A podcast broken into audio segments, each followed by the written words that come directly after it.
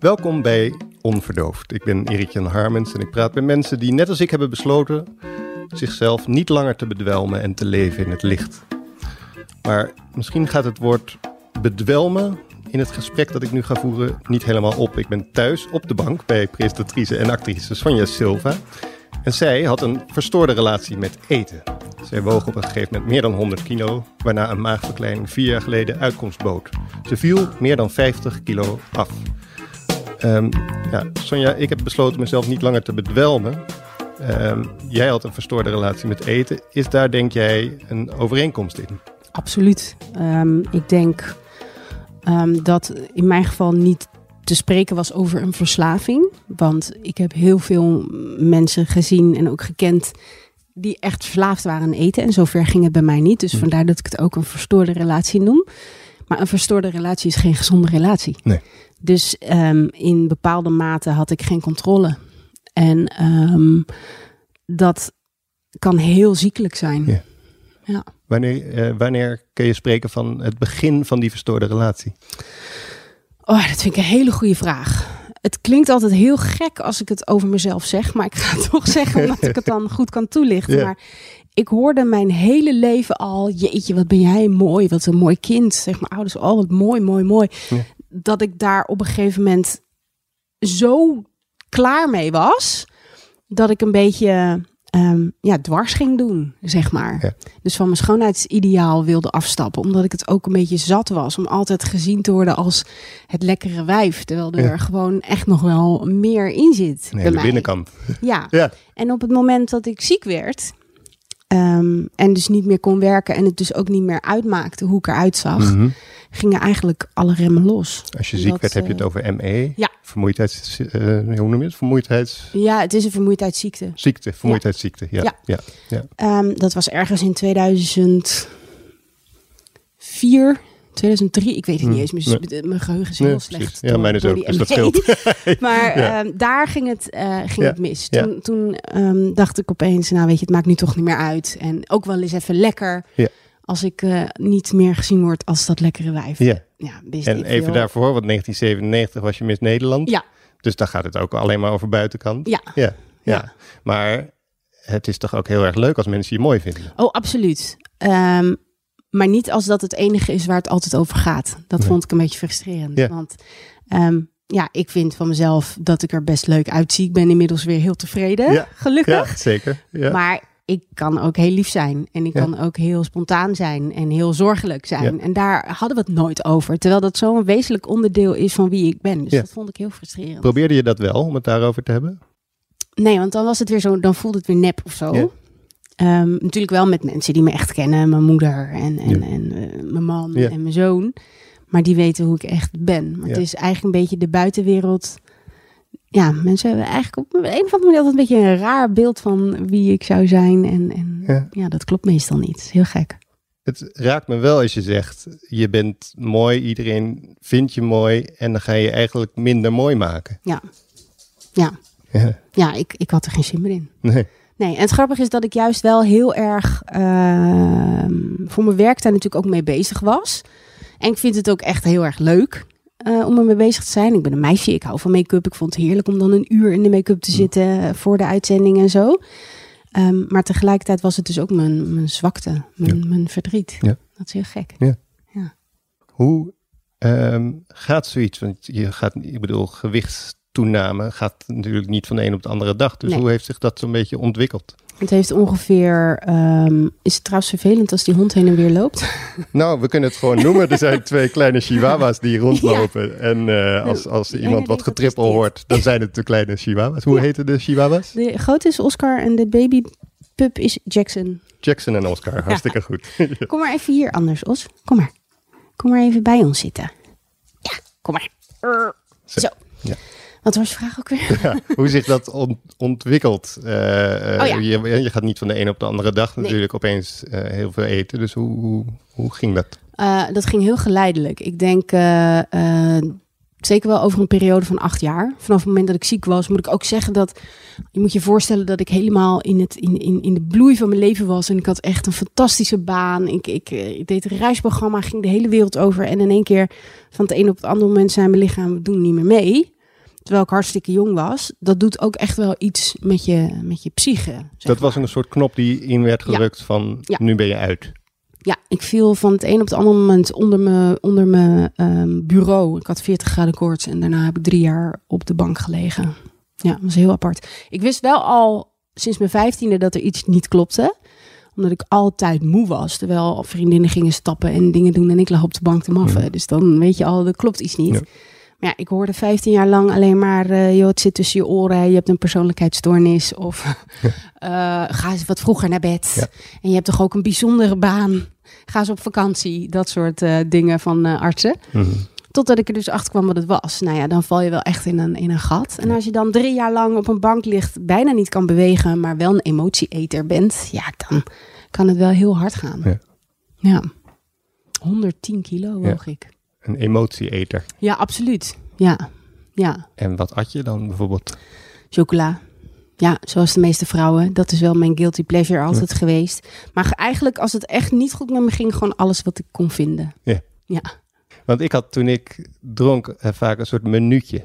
Dat ik zo, eh, ik wilde pas drinken als de vijf in de klok zat. Dus vijf voor half vijf begon ik met drinken. En dan eh, zo een paar biertjes en dan een flesje wijn en dan met eten nog wat. En dan zo s'avonds heel veel afzakkertjes. En dat was een beetje mijn routine. Ja, ja, ja. ja. Maar had jij, die, had jij ook een soort routine? Nee, bij mij was het echt gewoon wat er in de buurt was, dat ging op. Ja, ja, Ja. ja. En als dat drie zakken chips waren over een dag verdeeld, dan waren dat drie zakken chips. Ja.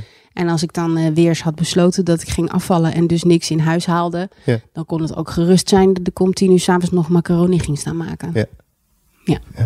En zag je daar snel resultaat van, van, die, van dat vele eten? Gaat dat hard? Nou, nee, het gaat redelijk geleidelijk. En in het begin denk je, goh, mijn broek zit wat strak, ik ben Mm. een beetje aangekomen. Maar op een gegeven moment, als je boven, in mijn geval, boven de 100 kilo kwam, dan interesseerde het me ook niet meer. Of nou 100 woog, of 105 of 110. Dat Mm. was echt, dat, dat was voor mij een soort grens Ja. van schaamte of zo, denk ik. En hoe werd erop gereageerd? Ja, dat was ook iets heel bijzonders. Want ik had dus eigenlijk een soort van beetje mezelf gesaboteerd. Mm.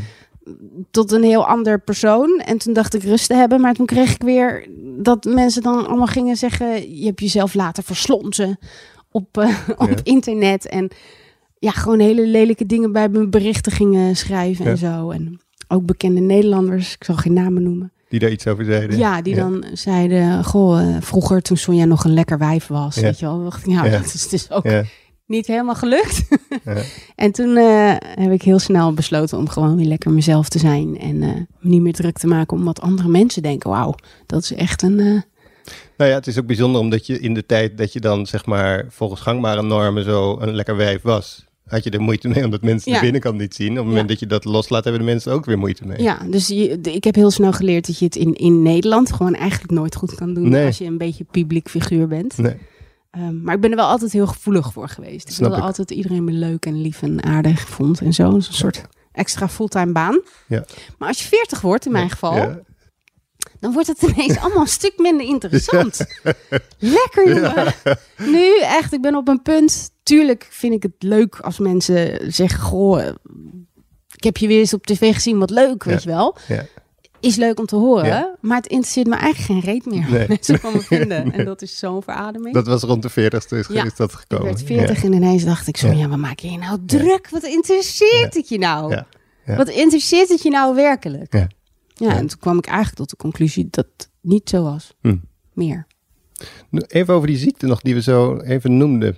Want ehm, ja, die heb je nog steeds. Ja. Dat is Ja. chronisch. Ja. Dat is chronisch. Dat gaat er ja. ook nooit over. We zitten in jouw huis met de gordijnen dicht. Ja. Is dat daarom? Ik eh, raak heel snel overprikkeld en fel licht en zo. Daar krijg ik heel snel hoofdpijn van. Dus ik ben een soort molletje. Ja. Ik heb altijd alles dicht in mijn, in mijn huis. Maar wel expres gekozen voor lichte gordijnen. Ja. Dat het niet eh, donker in huis is. Want dat vind ik ook zo eh, depressief. Ja. Maar ja, die zijn altijd dicht. Hoe kan je dan, hoe functioneer je dan? Ja, gewoon doen. Dat, dat is het een beetje. Ja. Ehm, die drie jaar dat ik op de bank heb gelegen, ehm, dat heeft zoveel indruk gemaakt. Daar wil ik gewoon echt nooit meer naar terug. Alhoewel ik weet dat ik daar eigenlijk niet echt controle over heb. Want het was Nee. toen ook geen bewuste Nee, keuze natuurlijk. nee. Maar ehm, Je wist ook niet van tevoren dat het drie Nee. jaar zou zijn, toch? als ik nu dan bijvoorbeeld een keer ziek ben, gewoon echt ziek. Na één dag wil ik dan gewoon weer aan het werk, weet je wel. Want dat doet me gewoon heel erg denken aan die Ja, periode. Tuurlijk. En ik doe nu gewoon wat kan. Ik kan weer fulltime werken. Dus dat is wel echt een, Dat kan. een wonder. Ja. Maar Maar moet je dan tussendoor veel rusten? nee, maar s'avonds ben ik niks waard. Nee. Dan kom ik thuis en dan eh, val ik meestal om acht uur s'avonds op de bank al in slaap. Ja. En, eh, nou, ja, de enige die dat ziet zijn mijn man en mijn kind. En die Ja. zijn het gewend. En om nog even goed uit te leggen wat ME dan is, hè? want een vermoei chronisch vermoeidheidsziekte. Ja. Maar je, probeer die vermoeidheid eens in woorden uit te drukken. Want eh, Ehm, iedereen kent ja, wel de vermoeidheid is- van een dag lang werk en dan kom je Ja. thuis, hè? Oh nee, het is heel anders dan dat. Ehm, het, het heet officieel myalgische encefalomyelitis. Daar heb ik ook vier jaar dat over heb je gedaan. opgeoefend. Ja. Dat betekent letterlijk ontsteking van de hersenen en het ruggenmerg met spierpijn. Ehm, en wat het dus eigenlijk doet, is dat je, ehm, als je probeert voor te stellen dat je gaat stappen, gewoon echt hard gaat stappen. Mhm. En dan, als het licht wordt, denkt, goh, het is eigenlijk al te laat om te gaan slapen, dus ik ga maar gelijk door naar mijn werk. Mhm. Vroeger allemaal wel een keer gedaan. Dan om vier uur 's middags.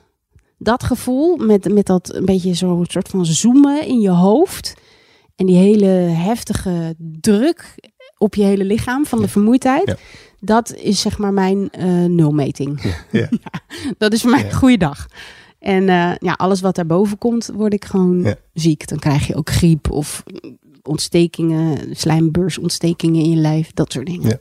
Ja. En ik weet wel, dat is alweer even geleden dat ik dat zo heb gedaan wat je nu schetst. Maar ik weet dat je dan zo af en toe 1 achttiende seconde slaapt. Ja. Zo even zo'n één flits heel even weg bent. En het ding met ME is ook dat je dan, als je dat dus zou hebben als gezond mens, en je gaat dan die avond eh, een beetje vroeg naar bed en de volgende ochtend word je wakker, dan ben je verkwikt. Ja. Bij ME kan je slapen wat je wil, maar je wordt nog net zo moe wakker Ja. als toen je ging slapen. Ja, En ja. Dat is vooral, dat is heel frustrerend, want ik sliep in die drie jaar bijna de hele dag. Ja. Ja, en nog was ik te moe om zelf te douchen. Ja. Dat is heel bizar. Ja, dat is heel bizar. Ja. Je gaf net heel mooi aan hoe op je veertigste dat je maling kreeg aan wat mensen van je vonden. Maar geldt het ook voor het ME hebben? Want daar hebben mensen ook een mening over. Och, heer, ik kan het nooit goed doen. Het is echt ongelooflijk. Oh, de post komt ook even Oh ja. langs. nou, gezellig. Het is één We, druk gaan lekker knippen. Nee, ik, eh, ik heb zeg maar toen ik erachter kwam dat ik dus ME had... en wat voor een onbekende, onbegrepen ziekte het eh, was... in die tijd dat ik dan op de bank lag met mijn laptop... heb ik geprobeerd om me ook een beetje hard te maken voor de patiënten. Ik heb vijf jaar lang op 15 eh, mei...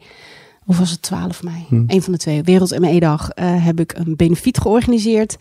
Ehm, patiënten uit Nederland die echt bedlegerig waren met Stichting Ambulancewens laten komen. Grote vooruitstrevende eh, artsen die echt wat weten van ME uitgenodigd.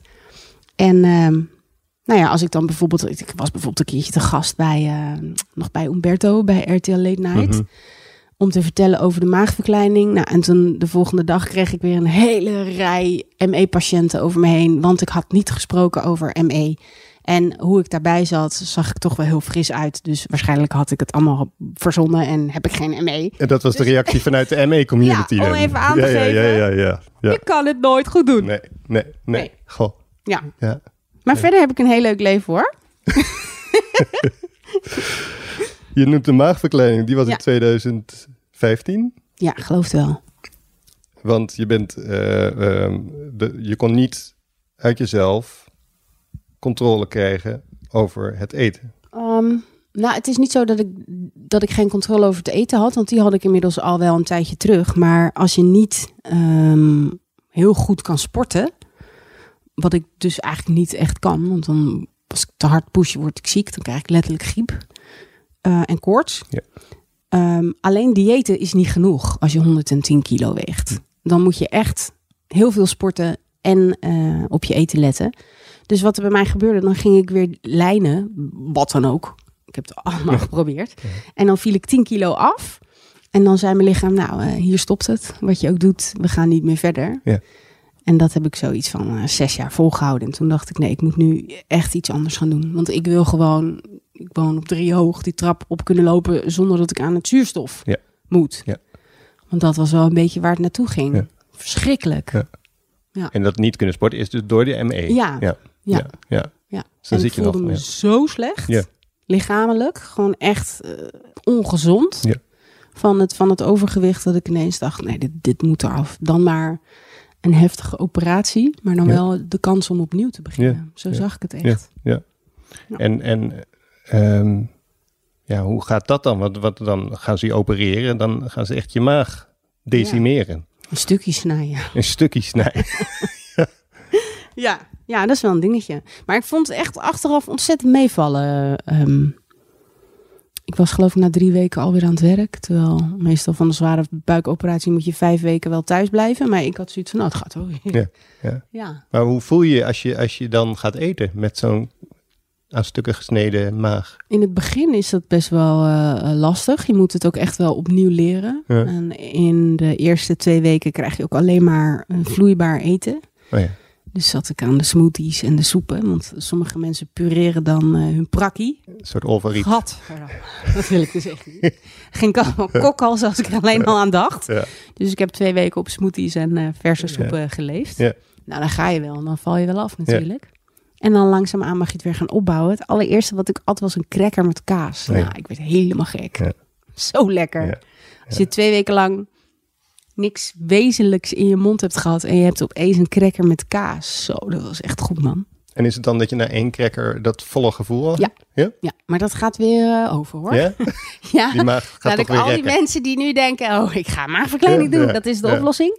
Even uit de illusie helpen. Want na drie jaar gaat je lichaam weer stabiliseren. Dan is je lichaam zeg maar helemaal gewend aan een nieuwe situatie. En dan kun je ook gewoon weer dezelfde porties eten als eh, daarvoor. Vaak, hè? Ja. Niet altijd. Mhm. Er zijn altijd uitzonderingen. Sommige mensen kunnen ook eh, geen aardappels of brood meer verdragen. Nou, daar Ja. heb ik allemaal geen last van. Maar zeg je nou dat je in principe hetzelfde zou kunnen eten weer Ja. wat je... Ja, ik wel. Dezelfde hoeveelheid? Ja, met gemak. Niet alles. Mhm. Want ehm, zware koolhydraten, dat valt heel zwaar. Ja. Maar ik kan gerust een hele zak chips of een hele pak koekjes eh, opeten. Ja. Doe ik niet, want ik wil nooit meer terug naar hoe het was. Maar ik zou het wel kunnen. Hoe zorg je ervoor dat je dat niet doet? Ehm, heel bewust zijn van de tweede kans die ik heb gekregen. En eh, terugdenken en, en terugkijken naar wat foto's van die tijd. Die heb je paraat. Hoe- Ja, hoe ongelukkig ik eruit zag. En hoe het zien van die blikken in mijn ogen doet me ook meteen terugdenken aan die periode. En eh, nou, dan vind ik het wel gewoon waard om eh, Mhm. dingen te laten, te laten staan of te laten liggen. Want dat is het. Maar het Ja. zal altijd een, een, een, een zwak ding van me blijven. Ja. Ook gewoon omdat ik, ik ben gewoon een Bourgondier. Ik ben opgegroeid met een, een vader die, die chefkok was. Mhm. Dus, en een Kaapverdiaan. Dus het is altijd eten. En iedereen moet altijd zitten en eten als Ja. ze langskomen. En als je niet wil eten, ben je raar. Eh, en dan moet je toch eten. Ja. Want mijn vader vindt dat je moet eten. Nou, dat is een van de leukste herinneringen die ik, eh, Ja. die ik aan hem heb. Dus ik ben echt opgegroeid met eten is gezellig. Ja. Dus als wij s'avonds op de bank zaten, dan stond er altijd wel iets van een, een chipje of een toastje of een dingetje. En dan gingen we gezellig tv kijken. En daar moest dan eten bij. En dat heb ik echt voor mezelf moeten doorbreken. Ja. Dat het net zo ja, gezellig kan zijn als een stukje komkommer op tafel staat, zeg maar. En zo'n moment van craving, om het toch maar even zo te noemen. Ja. eh, dan pak je een foto van hoe je was. Ja. En wat voel je dan? Ehm, ja, wel, wel echt verdriet. Wat ik eh, deels natuurlijk toch mezelf heb aangedaan. Want natuurlijk waren de omstandigheden zo dat, dat het niet hielp dat ik op de bank lag Hmm. en dat ik niet kon bewegen. Maar ik heb het er wel grotendeels zelf naar gemaakt. En dat is wel echt iets wat ik me heel erg realiseer. Kun je dat eens uitleggen? Want dat snap ik niet. Nou ja, ieder pondje gaat door het mondje. Mhm. Ehm, ik had er ook voor kunnen kiezen om niet eh, ehm, ja, depressief te gaan zitten eten. Dat ging niet. Mhm. Daar had ik mijn redenen voor. Maar ik had daar toch voor kunnen kiezen. Dus ik voelde me wel heel erg zelf verantwoordelijk voor mijn overgewicht. En dan heb je het over morbide obesitas. Hè? Heb je enig idee wat er met je gebeurt, met je hoofd, als je dat voor de eerste keer ziet en uitrekent, zo'n BMI-ding op internet. Mhm. Staat er in één keer morbide obesitas. Nou, ik, ik, ik, ik, ik wist gewoon niet waar ik het zoeken moest. En dat betekent morbide dat je dus daar Dat dood het aan gaat. levensgevaarlijk kan Levensgevaarlijk zijn. kan Ja. zijn. En Ja. waar zit die, dat levensgevaar in? Eh, suiker kun je krijgen, je Ja. aderen kunnen dicht gaan slippen. Eh, ja, er zijn zo verschrikkelijk veel dingen die mis kunnen gaan. Je hart. Ja. Ehm, en dat is ook wel. Veel mensen vragen dan aan me: Goh, vond je het niet een heel groot risico? Want het gaat ook wel eens mis met zo'n, met zo'n operatie. Ehm, ja, maar hart- en vaatziekten lijkt me ook niet echt prettig om te hebben voor je Nee. 45ste.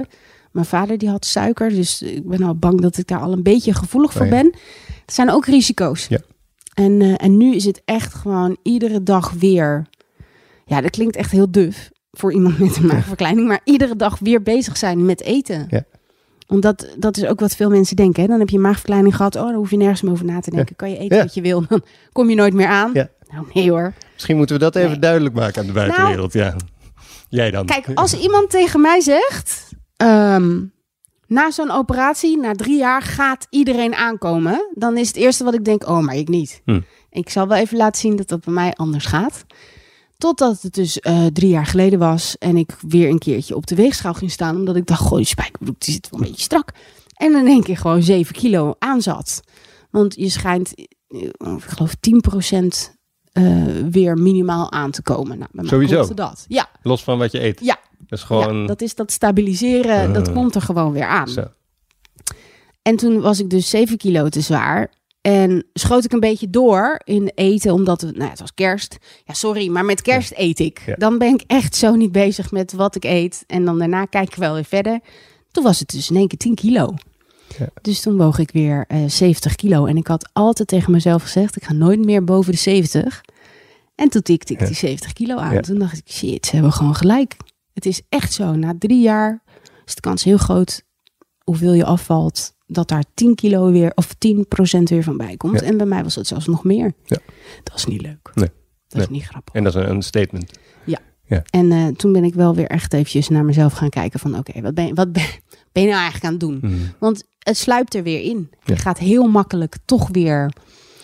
Ik heb zo'n beetje alle benzinestations in Nederland eh, gesponsord. Dat waren mijn dingen, want dan kon ik het lekker stiekem doen zonder dat iemand het zag. Toch nog even een eh, chocolaatje. En toen merkte ik dat ik dat toch weer een beetje aan het oppakken was. En dat gebeurt echt, nou ja, dat zou je ook weten, zonder dat je het door hebt. Ja. Vaak is het achteraf dat je denkt, goh, waarom heb ik dat nou eigenlijk gedaan? Ik weet Was wel bij nou roken. nodig? Ja, maar ik weet bij roken was ik dan mee gestopt.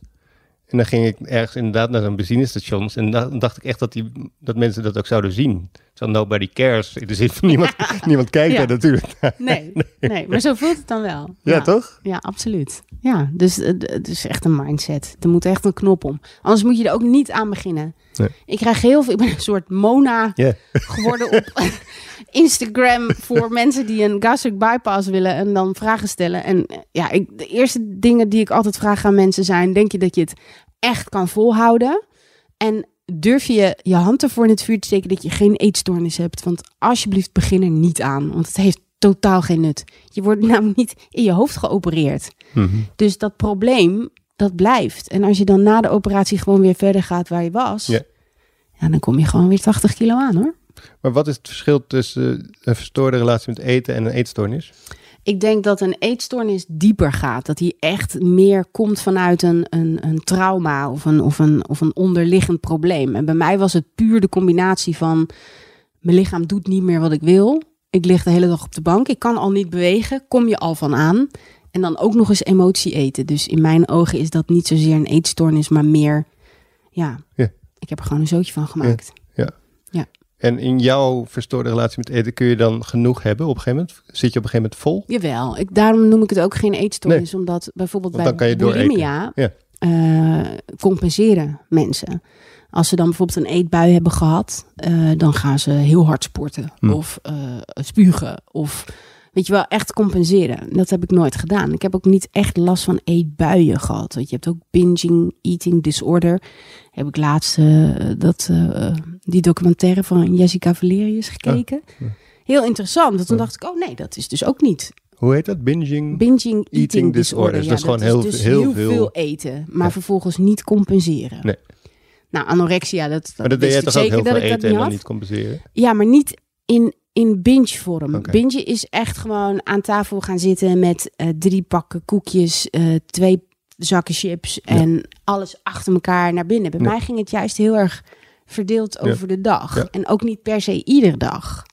Dus ik had daar nog wel een klein beetje een soort van controle. Ja. Meer dan denk ik bij een, bij een eetverslaving. ja precies. Ja. Ja. Ja. Maar ik denk wel dat als ik niet eh, op dat moment voor mezelf heel hard op de rem was getrapt, dat het dan wel een eetstoornis had kunnen worden. Ja. Ik weet alleen niet wat. Maar dan, dan had het denk ik wel fout gegaan. Ja. Ik was wel echt op tijd. Ehm, en als je het hebt, want dat treft me ook nog, dat stiekemen. Als je stiekem naar een benzinepomp, Ja, ja, dat is raar omdat niemand het verder ziet. Nee. natuurlijk. Dus dan kom je daarna thuis en dan is het net alsof het niet gebeurd is. precies. Het is gewoon vooral jezelf voor de gek houden Ja. En als je dan heel veel eh, chocola hebt gegeten, moet je dan ook nog kijken eh, op die wikkels weer wegwerken Ja, natuurlijk. precies. Want die vallen natuurlijk heel erg op. Je hebt altijd van die hysterische kleuren. Paars en rood en geel en goud. Ja.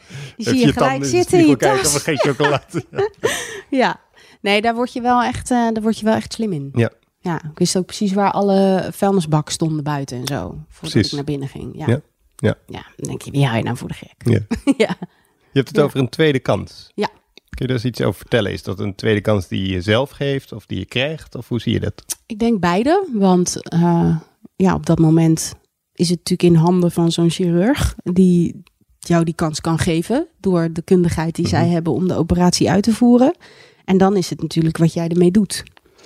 En ehm, ja, ik ben wel echt vanaf dag één heel erg bezig geweest met die, met die knop omzetten. Ja. ja.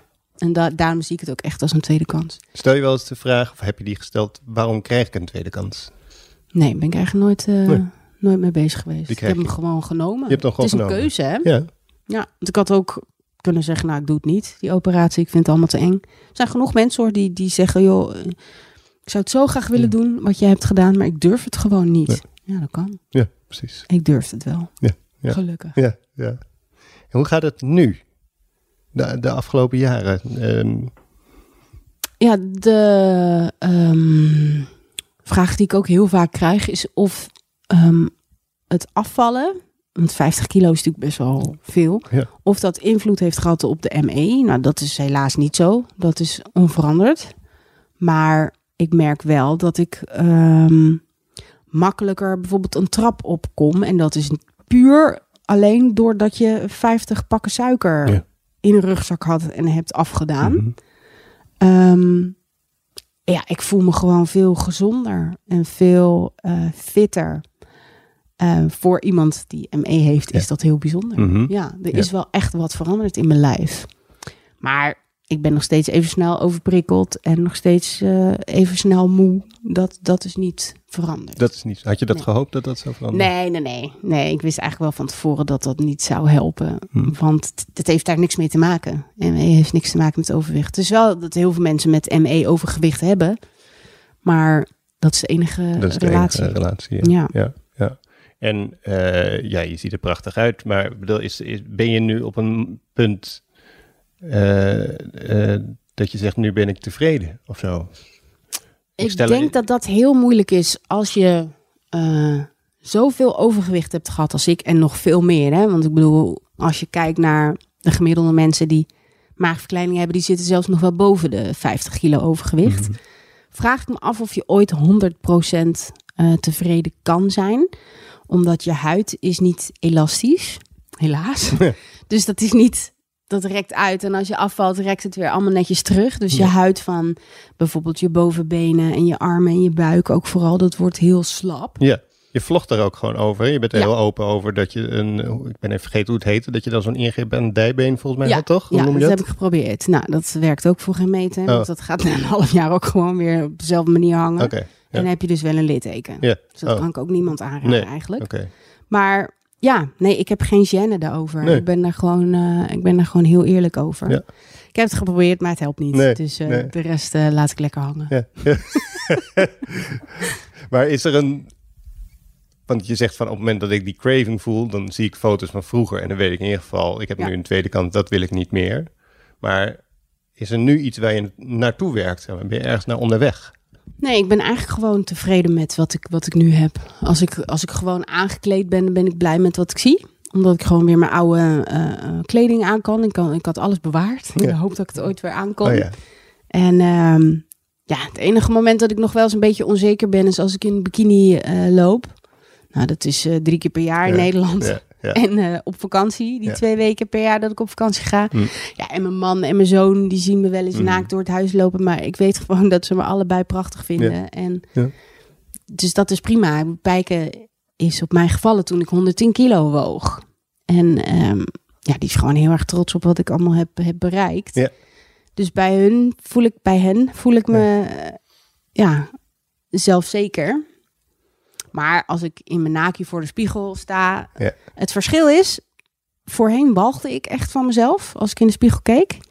En nu kijk ik en denk ik, nee, Ja. nee, kan ermee door. En Pijken, je man, die hield, die is toen op je gevallen. Dus Ja. die vond je toen prachtig. Ja, ik snapte er helemaal niks van. Maar Nee. ja, Ja. blijkbaar zat het goed, want we zijn nog steeds heel erg verliefd. Ja? Zeven jaar later. Ja. Ja. Ja. Ja. Goh. Ja. En, eh, en hoe zie je? Want je bent nu eh, nou, in de 40 dan. Hoe Ja, oud ben je nu? 42. 42. En eh, ga je nog veel van dat soort ingrepen laten doen? Om toch proberen dan... Nee, nee ik, ik heb wel eens eraan gedacht om, om zo'n, hoe heet het nou, buikwandcorrectie te doen. Ja.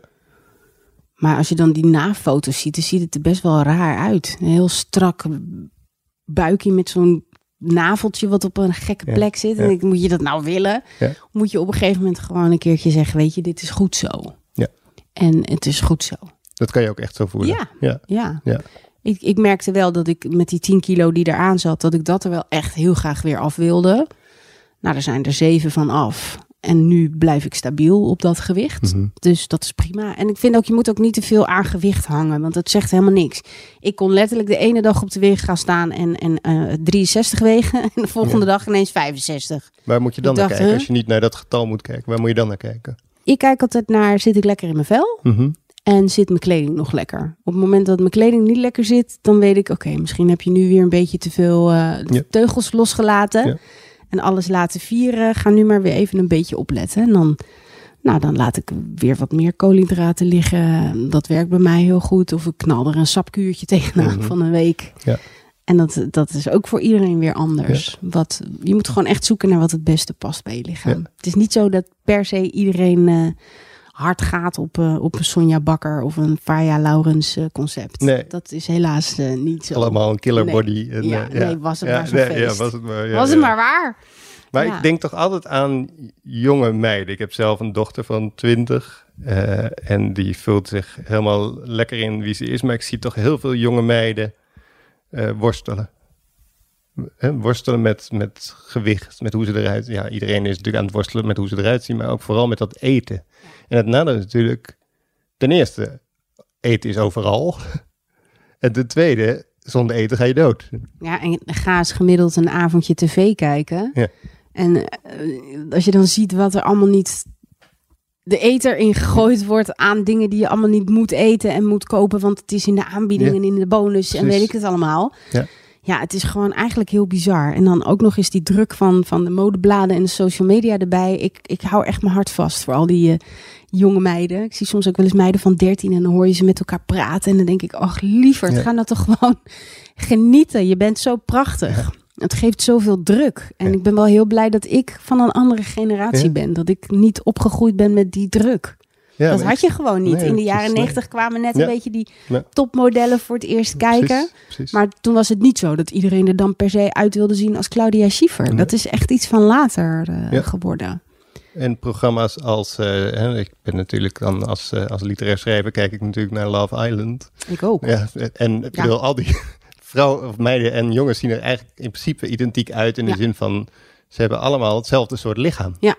De, de vrouwen allemaal een strakke buik en eh het titel omhoog. En, ja, en de mannen allemaal wasbordjes en weet je wel, allemaal. Ik doe ze natuurlijk, ik wil niemand tekort doen, maar het ziet er gewoon zo Ja. Absurd uit. Ja, het is nep. Want Ja. het is geen weerspiegeling van eh, hoe de gemiddelde Nederlander eruit ziet natuurlijk. Maar ik snap ook wel, negen van de tien eh, kandidaten die daar aan meedoen, die komen van een modellenbureau. Want ze doen allemaal modellenwerk. Ja. Dus die zijn Ja, daar natuurlijk gewoon op gecast. ja. Wat ook wel weer heel slim is. Maar tegelijkertijd ook wel weer heel zorgelijk. Want waarom zit er niet gewoon een, een lekkere plus-size Ja. meid tussen? Ja, weet je wel? Met, met lekkere curves erop. Dat vind ik zelf eigenlijk mooier om Mhm. naar te kijken. Maar dat is eh, een kwestie van smaak, denk ik. Maar het is ook mijn eh, guilty pleasure, moet ik helaas toegeven. En zou je, want ik vind jou niet iemand die zich eh, als een soort algeheel adviseur opwerpt of zo, maar is er wel iets wat je kan meegeven aan, aan, aan hen, aan jonge meiden die worstelen? Nou, ik denk dat het gewoon vooral heel belangrijk is om je te realiseren dat het 2019 is en niet eh, 1998. In een tijd, oh, hij probeert uit te breken. Hoor je dat? Ja. Kom zo, Os.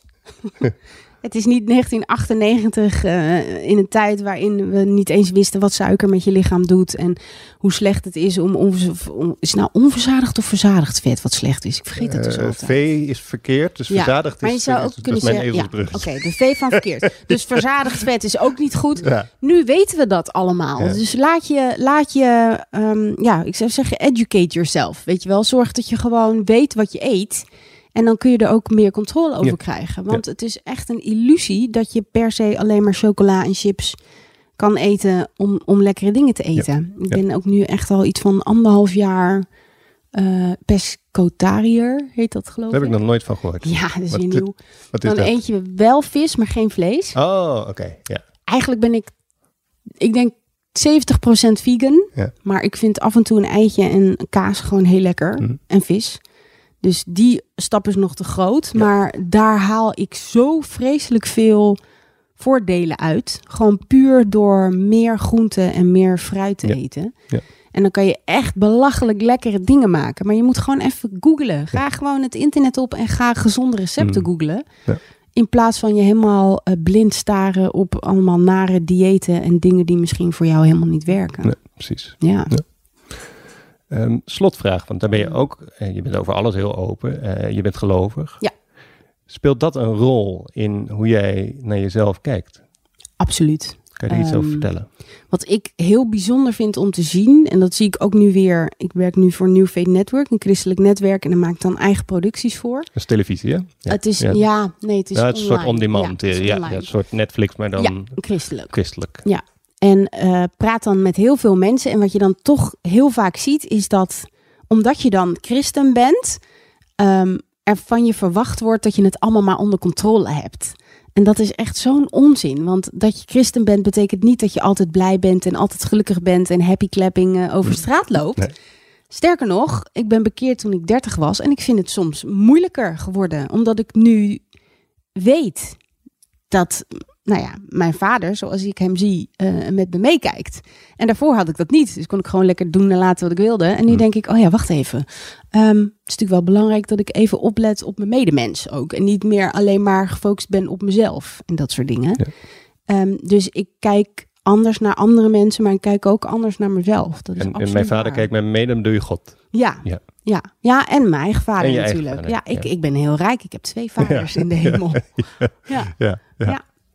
En eh, want, want dat is, je kan alle domme vragen erover stellen die je kunt. Maar ik bedoel, mijn domme vraag zou dan zijn: God houdt toch van je, Mhm. no matter how you look. Ja, en dat is juist wat zo bijzonder is. Dat is ook wat ik heb geleerd. Dat ehm, mensen eh, over het algemeen natuurlijk heel oordelend kunnen zijn. En mensen allemaal wat vinden van je.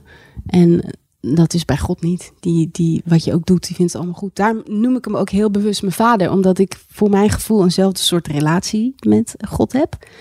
Omdat als ik vroeger verdriet had en ik ging naar mijn vader toe dan troostte hij mij ook. En dan kon hij mij ook een goed gevoel geven over mezelf. Zonder dat hij daar heel veel voor hoefde te doen. Gewoon door te zeggen, hé, hey, ik ben je vader. En in die hoedanigheid hou ik van jou. Wat je ook doet. Hoe vaak je ook faalt. Hoe vaak je ook dingen uit je handen laat vallen. Of struikelt. Of weer met kapotte knieën thuiskomt. Jij bent goed zoals je bent. En dat is wel iets wat ik heel mooi vind aan eh, de manier waarop ik mijn geloof beleid. En des te mooier dat je dat nu over jezelf kan zeggen. Ja, en hoe fijn dat ik dat ook achter me heb kunnen laten. Dat gezeik over hoe ik eruit zie. Ja. Ik bedoel, oké, ik heb een hele fase gehad dat het me irriteerde. Dat mensen dus dat blijkbaar allemaal leuk vonden. Daarna heb ik een hele fase gehad dat ik mezelf ging saboteren. Ja. En nu kan ik gewoon denken, nou, het is gewoon goed zo. Ja. Niet zo moeilijk. En ga je dan zo door tot, tot, uh, tot uh, het einde, zeg maar? Denk je, zie je dat zo voor je? Ga je mooi oud worden nu? Ja, ik denk het wel. Als ik kijk naar mijn moeder, die wordt uh, over twee weken 83. Mm. Jeetje, als je die ziet lopen, die is zo knap en prachtig. En, en ik, ik, ik na, doe nog iedere week de nageltjes. Dat vindt ze helemaal leuk. En ze vindt het nog leuk om er leuk uit te zien. En als ik dan naar haar kijk, dan denk ik, wauw, ik hoop als ik 83 ben, dat ik de helft van jouw vrouwelijkheid nog mag hebben. En dan ben ik een gelukkig mens. Ja, ja zij is wel echt mijn, uh, mijn voorbeeld. Ja. Sonja, er is sprake van een Instagram page met een, met een grappige naam. Vertel. Ja, dik tevreden vond ik echt hilarisch. Dik tevreden? Ja. ja. ja. ook omdat dat is wat ik was. Mm -hmm. Dik tevreden toen ik begon met mijn hele traject met de gastric bypass. En um, ja, ik vond dat er gewoon heel weinig informatie te vinden was. En, en het eerste wat ik dacht was, ja, wat, wat moet ik nu eten? Dus ik ben een beetje recepten gaan uh, verzamelen die um, ja, gastric bypass proof zijn. Maar ook gewoon voor mensen die geen maagverkleining hebben gehad en die gewoon gezond willen eten. Maar gastric bypass proof betekent niet uh, alleen maar die smoothies waar je het over nee, had. Hè? dat betekent vooral veel proteïne. Want uh, je hebt last van malabsorptie. Omdat je natuurlijk minder eet, neem je ook minder voedingsstoffen op. Dus hm. daar moet je ook voor life uh, preparaten en vitamines en ijzer en dat soort dingen slikken. Ja. Maar het is dus heel belangrijk om veel uh, proteïne te eten en veel ijzer te eten en vitamintjes. Ja. ja. ja. En wat doe je dan op die? Je, je maakt foto's van gerechten? Of ja, hoe, hoe ziet dat tot eruit? grote irritatie van mijn man. Want ik doe meestal zijn bord. Omdat mijn bord is best wel kleine porties. Oh ja. En dat ziet er niet zo feestelijk uit, vind ik altijd. Dat is toch weer dat oude van vroeger, ja, hè? Uit. Rotterdam. Dat moet een groot bord Ja. zijn. Dus ik pak altijd het bord van mijn man. Dus die moet dan even wachten totdat ik de goede foto gemaakt heb. Ja. Totdat Ja, hij tot hij mag beginnen. Ja, ja. Ja. Ja. Ja, maar meestal maak ik gewoon een leuke foto van en dan met een receptje erbij. En noem er eens één. Een lekker gastric bypass proof Oeh. gerecht. Eh, nou, wat ik, wat ik bijvoorbeeld altijd heel fijn vind om, om mee te starten op een dag is havermout. Mhm. En, en dan eh, prak ik een banaan in een kommetje. en dan eh, maak ik met cashewmelk of amandelmelk. Maak Dus tot nu toe is dit letterlijk mijn ontbijt elke Oh, dag echt? hoor. Ja, maak ja, ik ga maar door. met Blauwe dus bessen er nog ja. bij. Ja, Dit. serieus. Ja, ja, Ja, dit eet ik elke Ja, ochtend. en op een gekke dag, maar dat is alleen op een gekke dag, doe ik er ook een beetje kokosgraafsel Ja, nog overheen. Nou, dan heb je gewoon een topontbijt. En dat doe ik de hele zomer, de hele winter. Ja. En als je het dan nog eens een nachtje in de koelkast laat staan, dan kun je de volgende dag nog koud eten. Ja, ja. Ja. overnight oats. Hè? En dan, ja, en dan heb je de Ik hele ochtend van, energie. blijkbaar. Dat is Ja, fantastisch. Ja, Ja, ja, ja. tip.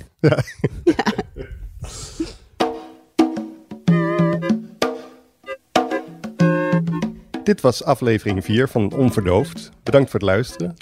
Een geschreven weergave van dit gesprek vind je in de tijdbijlage van Trouw en lees je op de website trouw.nl slash onverdoofd. En abonneren doe je via de geëigende podcastkanalen. Wil je reageren? Mail dan naar tijdpost.trouw.nl tijdpost.trouw.nl En de Instagram page waar Sonja Silva het over had heet Dik Tevreden.